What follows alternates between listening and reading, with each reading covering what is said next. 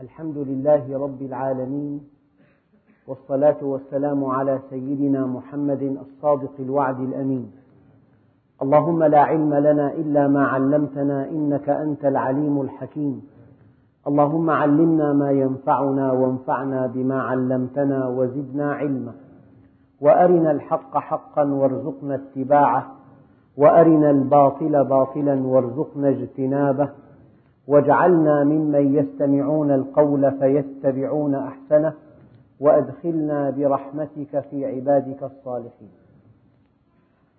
أيها الإخوة المؤمنون مع الدرس الأول من سورة الطور بسم الله الرحمن الرحيم والطور وكتاب مسطور في رق منشور والبيت المعمور والسقف المرفوع والبحر المسجور إن عذاب ربك لواقع ما له من دافع. هذه الصيغة صيغة قسم والطور. والقسم في القرآن يدل على أن المقسم به شيء عظيم بالنسبة إلينا. الله جل جلاله هو العظيم ولا عظيم سواه. أما إذا جاءت واو القسم مع كلمات في فواتح السور فهذه الكلمات تعني أنها أشياء يجب أن نفكر فيها. فالله سبحانه وتعالى يقول والطور والطور في أصل اللغة الجبل الأخضر الجبل المشجر. إما أنه آية من آيات الله الدالة على عظمته أو أنه الجبل الذي كلم الله به موسى عليه السلام. إما أنه آية كونية وإما أنه مكان مقدس. والتين والزيتون وطور سينين طور سينين هو الجبل الذي بمدين الذي كلم الله به موسى تكليما. فنحن مخيرون بين أن نفهم الطور كآية كونية دالة على عظمة الله والجبل من الآيات التي أشار القرآن إليها. هذا الجبل الذي نراه بأعيننا ثلثه فوق الأرض وثلثاه تحت الأرض. وهذه الجبال تارة أوتاد وتارة رواسي. وتارة مستودعات للمياه. وتارة تزيد مساحة الأرض وتلطف الجو.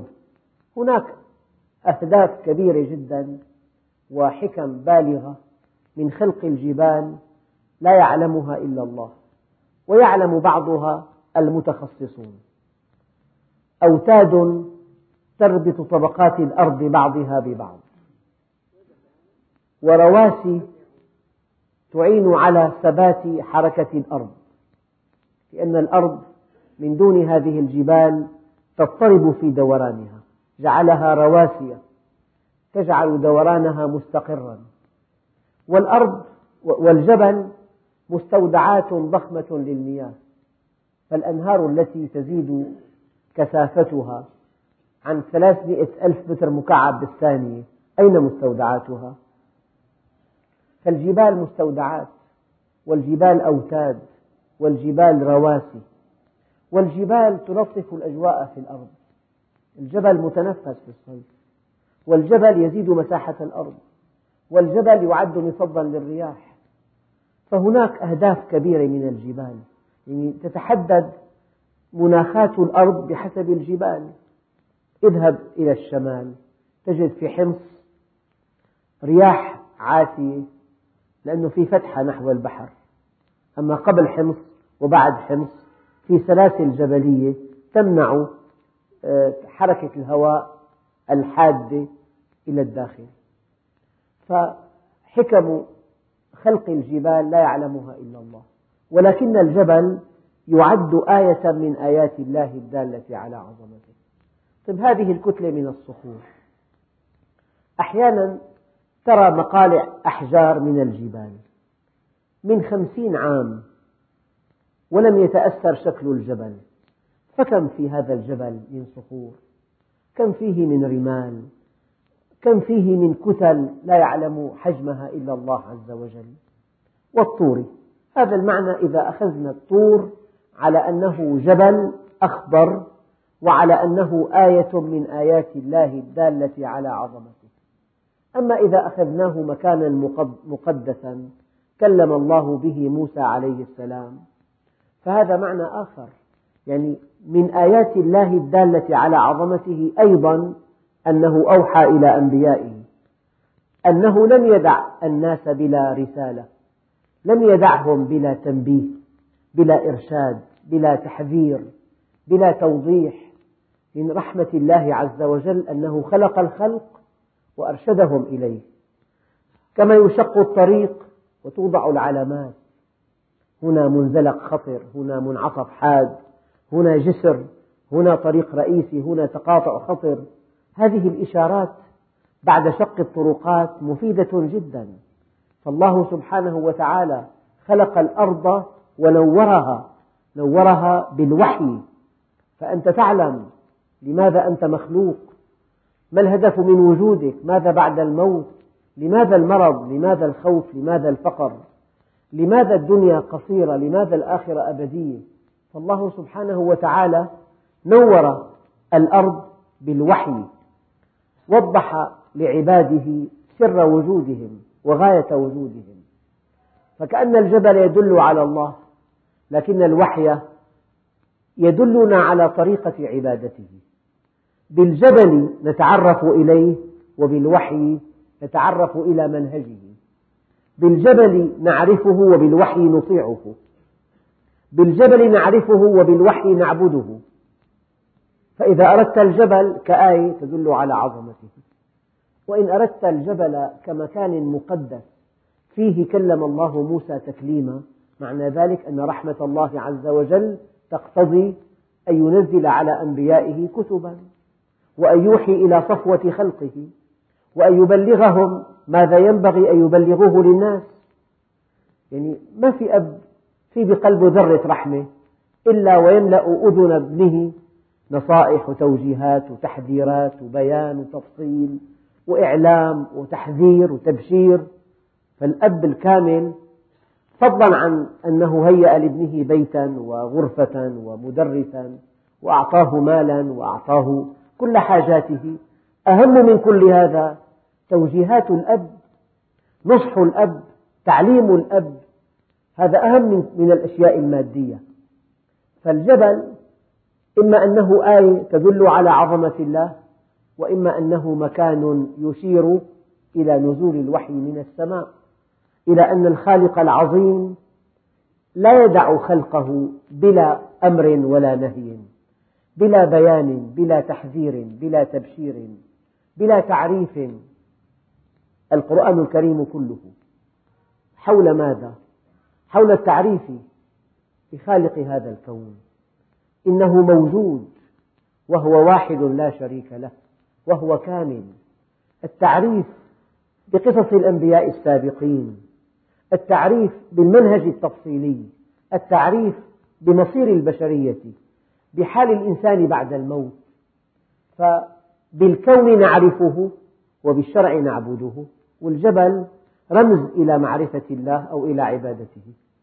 إذا قلنا الجبل الأخضر آية دالة على عظمة الله. إذا قلنا مكان مخاطبة مكان مخاطبة الله عز وجل لسيدنا موسى دليل الوحي وأن الله لرحمته بخلقه وحرصه على هداهم والأخذ بيدهم إلى سعادة الدارين أوحى إلى أنبيائه ليبلغوا الناس. والطور وكتاب مسطور. هذا الكتاب إما أنه, إما أنه الألواح التي تلقاها سيدنا موسى عليه السلام وإما أنها القرآن الكريم الذي أنزله على سيد المرسلين وإما أنها مطلق الكتاب أي كتاب سماوي. على كل هناك طور وهناك كتاب مسطور في رق منشور. منهج. أنت إذا دخلت إلى بناء جامعة قد تستنبط أن هذه الأقواس رائعة فالمهندس على مستوى رفيع وأن هذه القاعات واسعة وأن الصوت هناك وحدة صوتية جيدة وأن الحدائق غناء وأن بيوت الطلبة مجهزة بكل وسائل الراحة. لك أن تستنبط من البناء والمخابر وقاعات التدريس والحدائق وبيوت الطلبة أشياء كثيرة جدا لكن لو تأملت مئة عام في بناء الجامعة هل يمكن أن تعرف نظامها الداخلي؟ هل يمكن أن تعرف عدد الكليات؟ منهج كل كلية؟ أسماء المدرسين؟ إلا إذا قرأت الكتيب الخاصة بالجامعة ففي شيء يستنبط في شيء يقرأ الكون يدل على الله أما القرآن في تفاصيل الأمر والنهي. الله عز وجل يقول الحمد لله الذي خلق السماوات والأرض. وفي آية ثانية الحمد لله الذي أنزل على عبده الكتاب. كأن الكون كله في كفة وكتاب الله في كفة. يعني كما أنه خلق أوحى خلق وأرشد خلق ونور. خلق وبين خلق ووضح. فالله سبحانه وتعالى والطور وكتاب مسطور في رق منشور. فالكتاب المصدر الأول في الدين الإسلامي.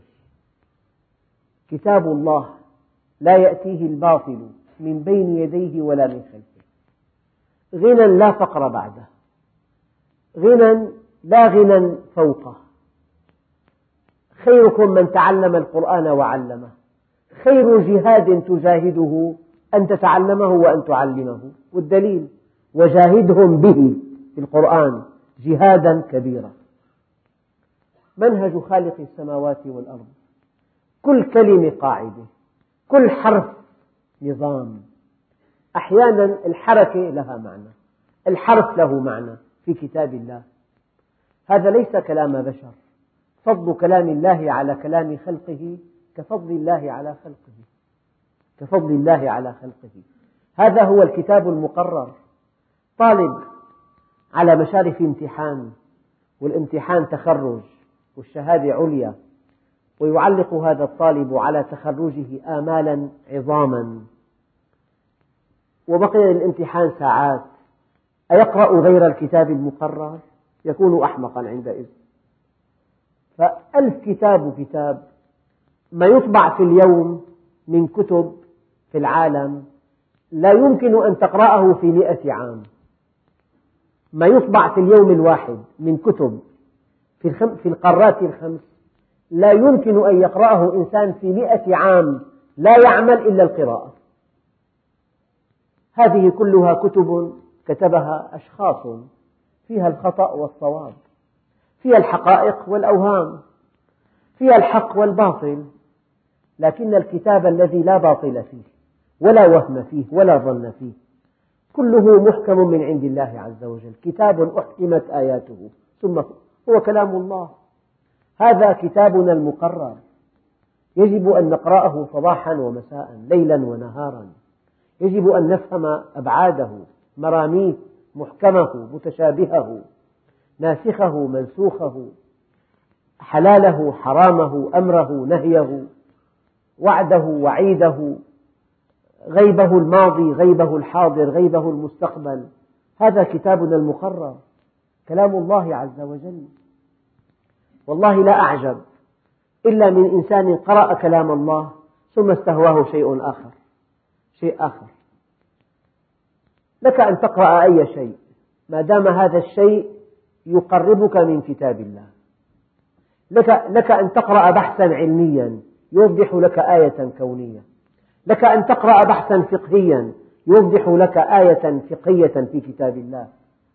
تقرأ له ومن أجله ومن أجل معرفته. والطور وكتاب مستور في رق منشور والبيت المعمور. قالوا الكعبة المشرفة البيت المعمور بالحجاج. وقد ورد في بعض الأحاديث أن البيت المعمور هو بيت على سمت الكعبة في السماء يدخله كل يوم سبعون ألف ملك. وقالوا البيت المعمور هي الأرض لأن فيها كل شيء. كل حاجات الإنسان في الأرض موجودة. لك أن تفهم البيت المعمور هذا البيت المقدس الذي نزل فيه الوحي. كيف أن الطور هو الجبل الذي كلم الله فيه موسى تكليما؟ وكأن هذا المكان المقدس إشارة إلى هذا الوحي العظيم. كذلك البيت المعمور هي الكعبة المشرفة أو الحرم المكي الذي نزل فيه جبريل الأمين على قلب سيدنا محمد سيد المرسلين. بهذا القرآن العظيم. هذا هو البيت المعمور. إما أنه بيت تدخله الملائكة في السماء ليعبدوا الله فيه. وقد ورد هذا في بعض الأحاديث. وإما أنه بيت الله الحرام يؤمه الحجاج معمور بالحجاج. وإما أنه مطلق الأرض لأن فيها كل شيء. والبيت المعمور لا زلنا في مفردات القسم والطور. وكتاب مسطور في رق منشور والبيت المعمور والسقف المرفوع. هذه السماء وجعلنا السماء سقفا محفوظا. ورد تفسير هذه الكلمة بأنها هي السماء. السماء بناء. إذا في بالسماء مليون مليون مجرة. وإذا في بالمجرة الواحدة مليون مليون كوكب ونجم. وهذه الكواكب والنجوم كلها في حركة دائمة في مسار مغلق حول بعضها بعضا. أحجامها متفاوتة مساراتها متفاوتة جاذبيتها متفاوتة كتلها متفاوتة أبعادها متفاوتة ومع ذلك هناك استقرار عام. التوازن الحركي الحركة المتوازنة هي استقرار دليل علم الله عز وجل. والسقف المرفوع والبحر المسجور.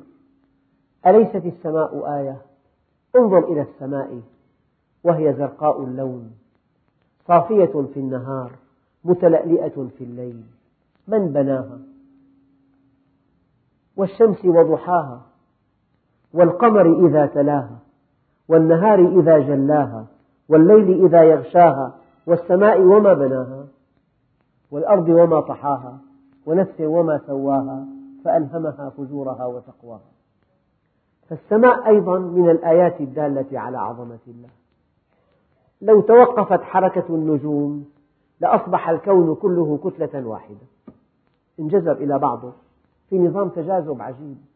لكن حركات النجوم كلها تخلق إن صح التعبير حركة نابذة قوة نابذة تكافئ القوى الجاذبة. فهي القضية فيها في منتهى الروعة.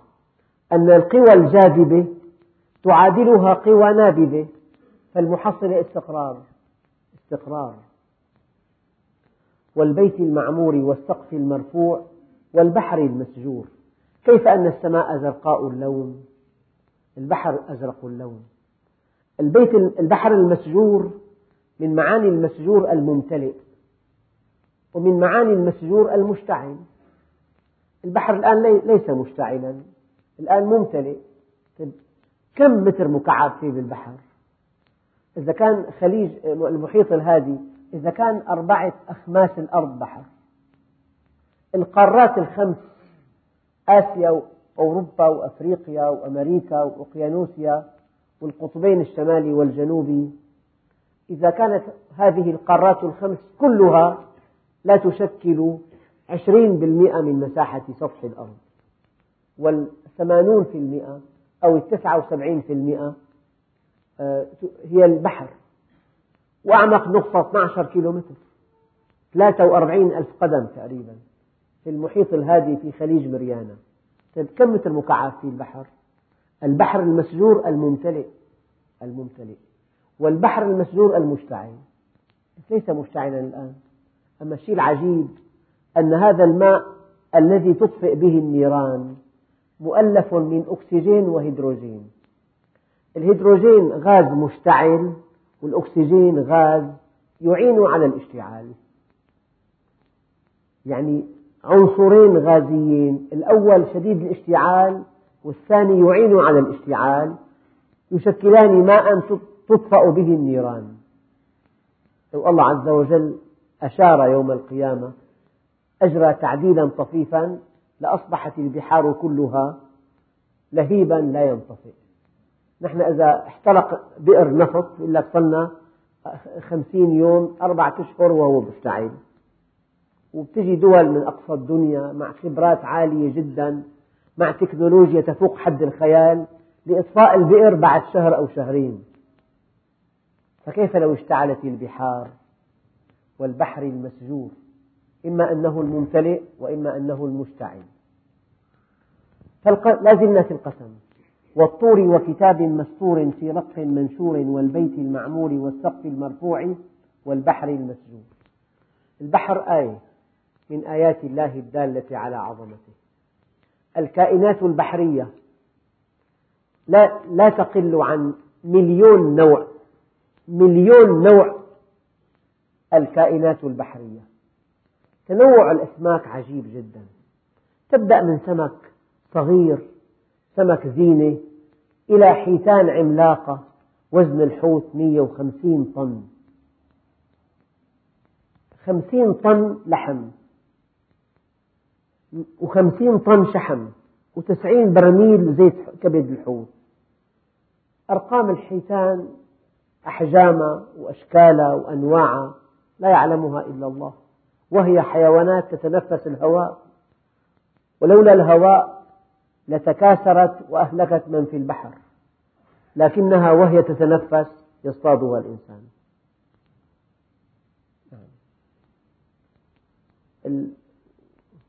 أنثى الحوت ترضع وليدها ثلاثمئة كيلو في اليوم ثلاثمئة كيلو في الرضعة الواحدة ثلاث رضعات طن حليب. ثلاث رضعات إذا جاع الحوت أراد أن يأكل يفتح فمه ويسير. أربعة طن هي شفيرة يعني. هي قبل الطعام أربعة طن. أحيانا الحوت يجر سفينة جر سفينة. ثمانية وأربعين ساعة وهي تعمل محركاتها بعكس اتجاه الحوت. من حيوان عملاق إلى أسماك زينة رائعة جدا. بعضها شفاف بعضها فسفوري. في أشياء بالبحر لا يعلمها إلا الله. القنديل نوع من كائنات البحر الحية. المرجان الأصداف المحار اللؤلؤ. هذا اللؤلؤ هو المحار حيوان. إذا شعر أن في, أن في داخله جسما غريبا ولو أنها ذرة رمل أفرز عليها مادة كلسية فسفورية إلى أن تصبح لؤلؤة. لؤلؤ وسيلة من وسائل دفاع هذا الحيوان عن نفسه. اللؤلؤ من أجل الإنسان. يعني الكائنات البحرية شيء لا يوصف. قرأت مقالة عنها قال هي تزيد عن مليون نوع. هذا البحر المسجور والسقف المرفوع حدث ولا حرج. جاء الجواب إن عذاب ربك لواقع. كان النبي عليه الصلاة والسلام يقرأ هذه السورة في الصلاة. وقد صلى عمر بن الخطاب خلف النبي. أعداد من الصلوات لا يعلمها إلا الله واستمع لهذه السورة. لكنه كان يتجول في المدينة. فسمع أحد الصحابة يقرأها في الصلاة. نزل من على دابته وأسند ظهره للحائط واستمع إليها وهو يبكي. كانت نفسه منفتحة. قلبه مشرق. يعني هذه الآية والطور وكتاب مسطور في رق منشور والبيت المعمور والسقف المرفوع والبحر المسجور. جواب القسم إن عذاب ربك لواقع. يعني هذا الذي خلق الكون لن يحاسبك. أيحسب الإنسان أن يترك سدى هذا الذي خلق الكون لن, لن يسألك أبدا. يقول أهلكت مالا لبدا. أيحسب أن لم يره أحد؟ ألم نجعل له عينين؟ الذي خلق العينين لا يبصر. ولسانا وشفتين وهديناه النجدين. فلا اقتحم العقبة وما أدراك ما العقبة؟ فك رقبة. أو إطعام في يوم ذي مسغبة. يتيما ذا مقربة. أو مسكينا ذا متربة. يعني إن عذاب ربك لواقع. يعني الإنسان معقول أن يخلق سدى ما في حساب. جامعة مكلفة ألف مليون. فيها حدائق غناء فيها دكاترة بمعدل كل خمس طلاب لهم دكتور. مخابر قاعات تدريس مكتبات حدائق. ما في امتحان آخر السنة. بلا, بلا امتحان. يأتي الطلاب ويدرسون. ويخرجون وليس هناك امتحان. إن عذاب ربك لواقع الإنسان مسؤول يعني. الذي خلق الكون سيسأله وسيحاسبه عن ماله من أين اكتسبه وفيما أنفقه. عن علمه ماذا عمل به. عن شبابه فيما أبلاه. عن عمره فيما أفناه. لا تزول قدما عبد حتى يسأل عن أربع. عن شبابه فيما أبلاه. عن عمره فيما أفناه عن ماله من أين اكتسبه وفيما أنفقه عن علمه ماذا عمل به. إن عذاب ربك لواقع يعني هناك مسؤولية فوربك لنسألنهم أجمعين عما كانوا يعملون. أحيانا أخواننا الكرام نقرأ الآيات لا نعيشها. لما ربنا عز وجل يقول فمن يعمل مثقال ذرة خيرا يره. ومن يعمل مثقال ذرة شرا يره. هذا كلام من؟ كلام خالقنا كلام رب العالمين. من يعمل مثقال ذرة خيرا يره. ومن يعمل مثقال ذرة شرا يره. لذلك يجب أن نحاسب أنفسنا حسابا عسيرا. يجب أن نحاسب أنفسنا حسابا عسيرا حتى يكون حسابنا يوم القيامة يسيرا. انظر إلى قول النبي الكيس العاقل من دان نفسه ضبط ضبط بيته ضبط عمله ضبط دخله ضبط انفاقه ضبط جوارحه. من دان نفسه وعمل لما بعد الموت والعاجز من أتبع نفسه هواها وتمنى على الله الأماني. هذا عاجز أحمق. هذا الذي يتعامل مع الله بالتمنيات. التمنيات فضائع الحمقى. ومن أراد الآخرة وسعى لها سعيها. ما قال وسعى لها؟ لو قال وسعى لها أي سعي مقبول. قال وسعى لها سعيها. لها سعي خاص. لا يقبل دونه دونه سعي. إن عذاب ربك لواقع. خالقنا. ربنا الذي بيده كل شيء يقول هذا الكون يدل على إله بيده كل شيء. لم يخلقنا سدى لم يخلقنا عبثا سيحاسبنا سيسألنا عن كل شيء. ولن نظلم عنده لا فتيلا ولا نقيرا ولا قطمير لا ظلم اليوم. هذه قواعد الدين الكبرى. إن عذاب ربك لواقع ما له من دافع. بالأرض يصدر حكم قضائي ما بيتنفذ أحيانا. يكون المحكوم قوي. أحيانا هناك من يدافع عنك هناك من يخلصك هناك من يشفع لك هناك من يجمد هذا الحكم هناك من يطوي هذه الضريبة. هذا في الدنيا أما عند الله عز وجل؟ إن عذاب ربك لواقع ما له من دافع. يعني تأتي, تأتي ربك يوم القيامة فردا. الحياة الدنيا في تجمعات في جماعات في أحزاب في طوائف في ملل في نحل في شعوب في تجمع أوروبي لك 12 دولة عملة واحدة وجمارك واحدة في تجمع شرقي في أحلاف. هذا في الدنيا. أما في الآخرة تأتي ربك فردا.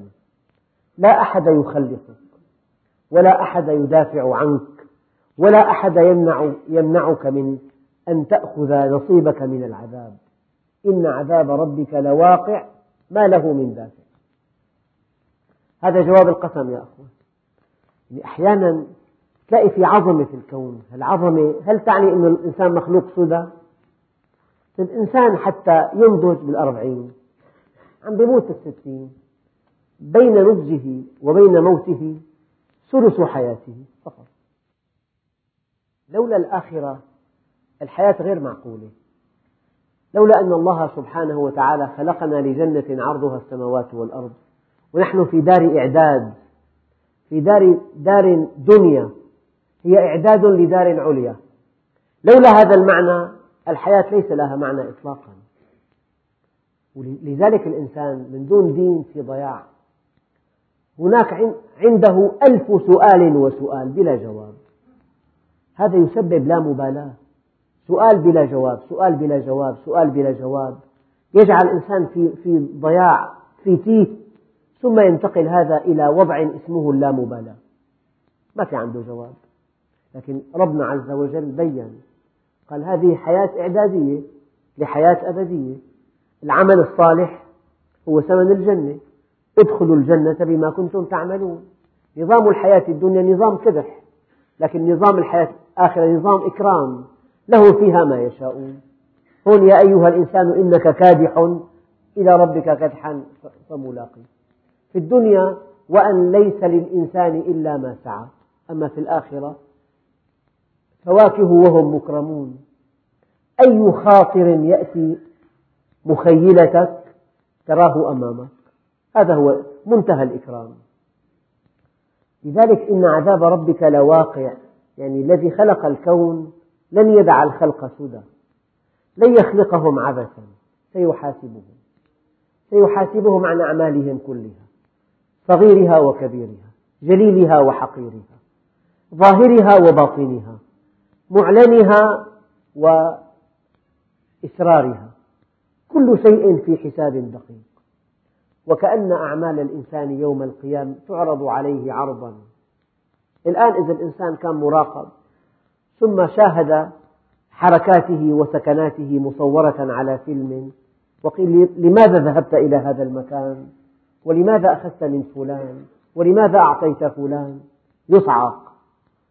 أما أنت يوم القيامة كلنا جميعا سوف تعرض علينا أعمالنا واحدة واحدة. العمل وخلفيته نيته. أنت أردت كذا. قاتلت ليقال عنك وقد قيل خذوه إلى النار.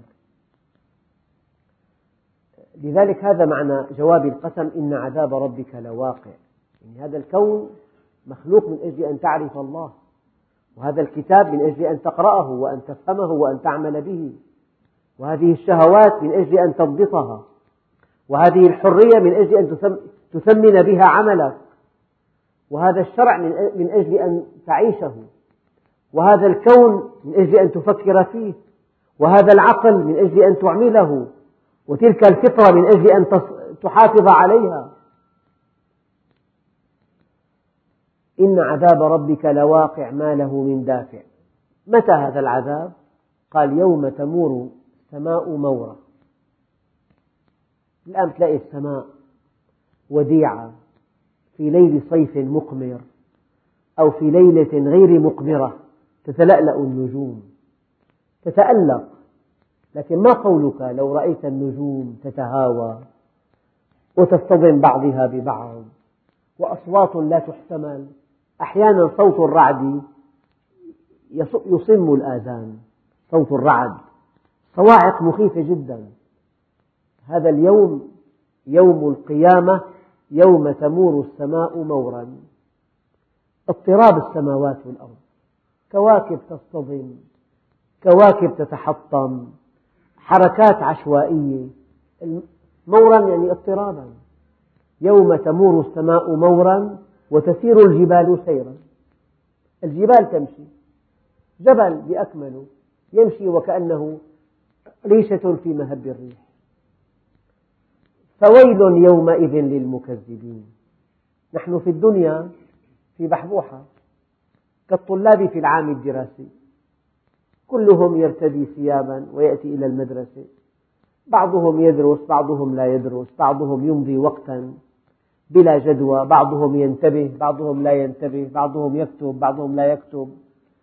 لكن عند الامتحان ويل للكسالى. نحن الآن في بحبوحة. الناس كلهم يأكلون ويشربون. إن الله يعطي الصحة والذكاء والمال والجمال للكثيرين من خلقه ولكنه يعطي السكينة بقدر لأصفيائه المؤمنين. مشكلة المؤمن الآن لا يبدو صارخا. واحد من الناس. ساكن ببيت مستور. لكن وحوله ناس متفلتين. وحوله أناس عصاة. وحوله أناس جاحدون. وحوله أناس يقترفون الآثام ويأكلون المال الحرام ويتحدون السماء وخالقها. ومع ذلك الله يرزقهم. وعزتي وجلالي. عبدي خلقت لك السماوات والأرض ولم أعي بخلقهن أفيعيني رغيف أسوقه لك كل حين. لي عليك فريضة ولك علي رزق فإذا خالفتني في فريضتي لم أخالفك في رزقك. وعزتي وجلالي إن لم ترضى بما قسمته لك فلأسلطن عليك الدنيا. تركض فيها ركض الوحش في البرية ثم لا ينالك منها إلا ما قسمته لك ولا أبالي وكنت عندي مذموما. أنت تريد وأنا أريد فإذا سلمت لي فيما أريد كفيتك ما تريد وإن لم تسلم لي فيما أريد أتعبتك فيما تريد ثم لا يكون إلا ما أريد. لذلك يوم تمور السماء مورا وتسير الجبال سيرا فويل يومئذ للمكذبين. البطولة أن تنجو من هذا اليوم. أيام الإنسان بينفذ من ضريبة بيشعر نفسه بطل. ينجو من مشكلة ينجو من مؤاخذة ينجو من آه، شيء يعني مخيف. النجاة الحقيقية أن تنجو من عذاب الله. الغني الحقيقي بعد العرض على الله. الغنى والفقر بعد العرض على الله. الدنيا لا قيمة لها. عرض زائل. يأكل منه البر والفاجر. والآخرة وعد صادق يحكم فيه ملك عادل. فويل يومئذ للمكذبين. هذا الذي أمضى حياته في غفلة عن الله. وفي تفلت من منهج الله. وفي إساءة للخلق. وفي ضياع. وفي انغماس في الملذات. هذا الإنسان تماما كإنسان يركب مركبة بمنحدر شديد. بسرعة عالية والهواء العليل يلطف جو المركبة. وفي نهاية هذا الطريق منعطف حاد وليس معه مكابح. هو يضحك وماذا يعلم؟ ولا يعلم ماذا ينتظره بعد دقائق. بعد دقائق سيكون جثة هامدة. سيقول الويل لنا لقد متنا.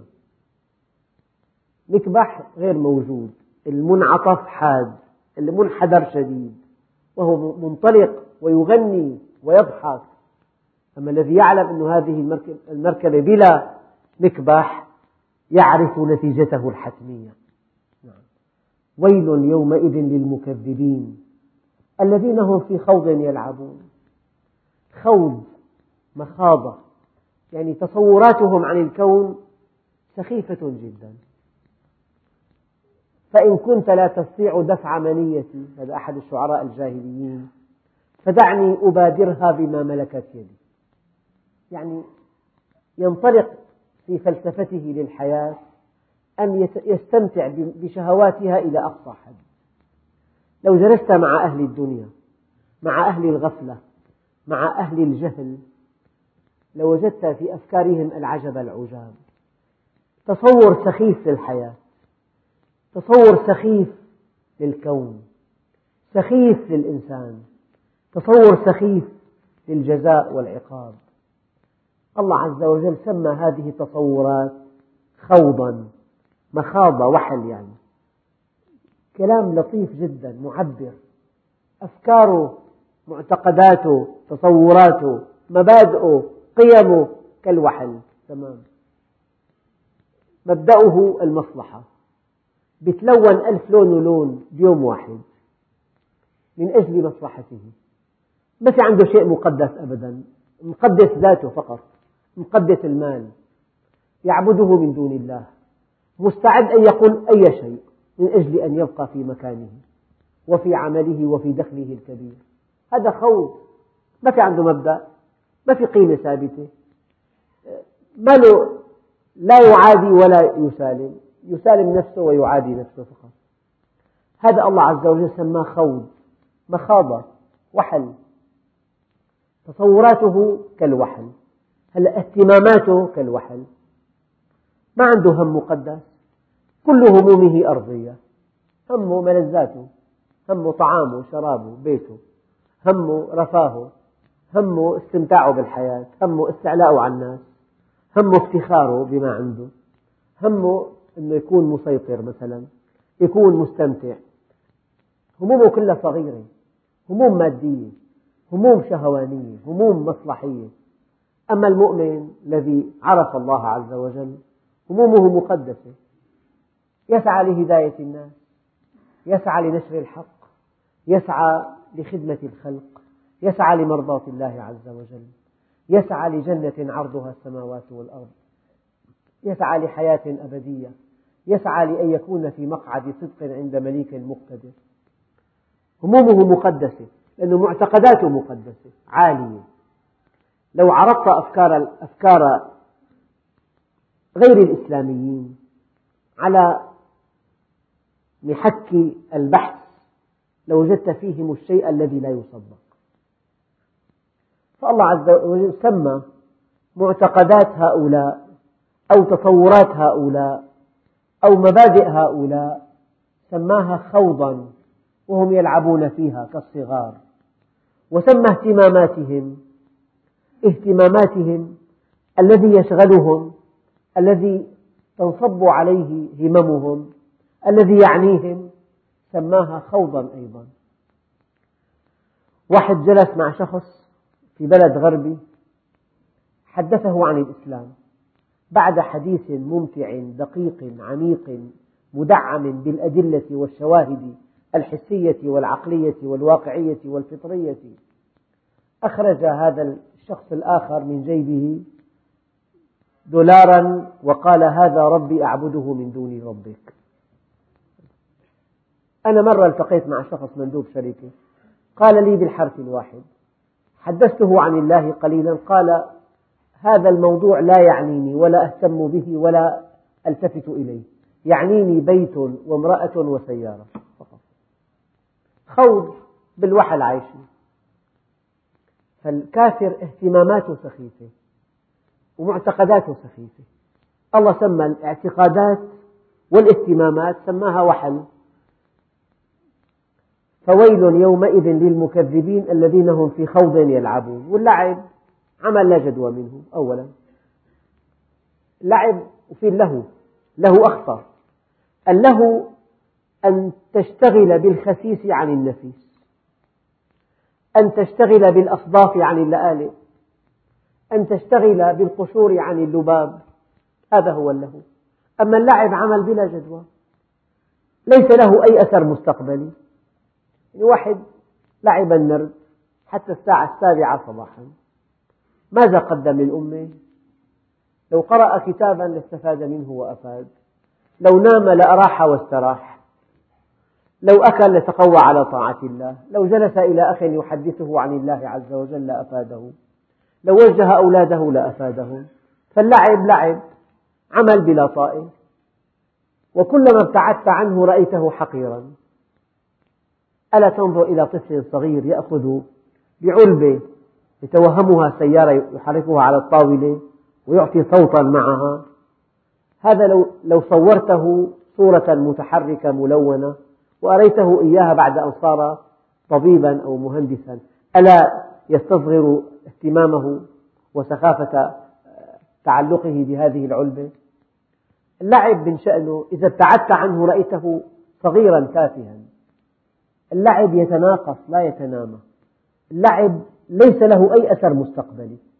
فالله عز وجل بكلام موجز بليغ سمى معتقدات الكفار واهتماماتهم خوضا وحركتهم في هذا أنهم يلعبون حركة عشوائية بلا هدف. العمل الذي لا جدوى منه العمل الذي لا طائل منه العمل الذي ليس له أثر مستقبلي. هذا هو اللعب. فويل الويل هو الهلاك. فويل يومئذ للمكذبين الذين هم في خوض يلعبون. يوم يدعون دعه أي دفعه على ظهره بقسوة وإهانة. يوم يدعون إلى النار إلى نار جهنم دعا. طبعا لأنهم كانوا في خوض وكانوا يلعبون. واعتقدوا اعتقادات سخيفة. واهتموا بأشياء أسخف منها. هذا هذه السخافة في معتقداتهم وفي نشاطهم في الدنيا يناسبه أن يهانوا يوم القيامة. وين أهل المؤمنين؟ سلام عليكم طبتم فادخلوها خالدين. وسيق الذين اتقوا إلى الجنة زمرا. حتى إذا جاءوها وفتحت أبوابها من قبل تكريما لهم. وقال لهم خزنتها سلام عليكم طبتم فادخلوها خالدين. المؤمنين يذهبون إلى الرحمن وفدا أما المجرمون يساقون إلى جهنم وردا. فهؤلاء إذا واحد متهم بجريمة قتل طرق بابه وألقي القبض عليه. من باب البيت إلى السيارة يعني بيرحبوا فيه تفضلوا سيدنا بيقول له يأكل له خمسين كف على الطريق. إذا كان مجرم طبعا ويساق ليحاكم. فالكافر لأنه كان تائه وكان شارد وكان مؤذي وكان شهواني وكان منحط الأخلاق. هذا الشيء الطبيعي له يوم يدعون إلى النار إلى نار جهنم دعا. هذه النار التي كنتم بها تكذبون بربكم. هلا خذ مئة شخص عينة عشوائية؟ كم واحد مصدق في جهنم؟ ويتقيها فعلا. ليست داخلا في حسابات الناس أبدا. ولو كانوا مسلمين. يصلون بس في مال حرام. يأخذون الأموال الحرام بالملايين. ولا ولا يعبؤون. شاطر. وكل محامي. أما المؤمن يخشى درهما حراما. درهم. ليرة. الإمام أبو حنيفة رضي الله عنه كان واقفا في ظل بيت مرهون عنده فتحول إلى الشمس. لماذا ظل؟ قال له هذا البيت مرهون عندي وأنا أكره أن أنتفع بظله. فهي جهنم. من الذي أدخلها في حسابه اليومي اليومي من الذي ترك مبلغا من المال خوف النار؟ من الذي ترك نظرة إلى امرأة خوفا من النار؟ من الذي ترك سهرة خوفا من النار؟ ما أدخلت في حسابات الناس جهنم. بشكل واقعي بشكل جاد.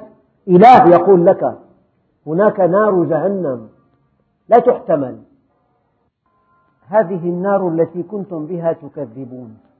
أنا أريد أن أقف قليلا. أرجو من الله عز وجل. هذا كلام خالق الكون. إله.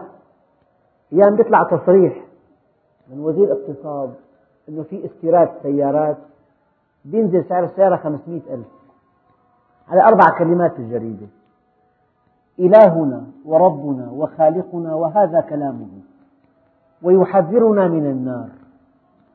ولا نتقيها. والله في حمق معناتها بالإنسان. حمق شديد. يجب أن تقول معاذ الله إنني أخشى نار جهنم. فهذه النار التي كنتم بها تكذبون. ادخل إلى حياة الناس. ادخل إلى قصر العدل. بأي مكان في آلاف الدعاوى. أكثرها افتراء أكثرها دعاوى كيدية. هناك أكل للمال الحرام. هكذا. صريحا. طيب. أين الخوف من الله؟ أين هذا المؤمن الوقاف عند كتاب الله؟ أين هذا المؤمن الذي يخشى الله؟ الذي يخشى أن يأكل مالا حراما أن يعتدي على أعراض الناس؟ أن يعتدي على سمعتهم. هذه النار التي كنتم بها تكذبون. صراحة أخواننا التكذيب نوعان.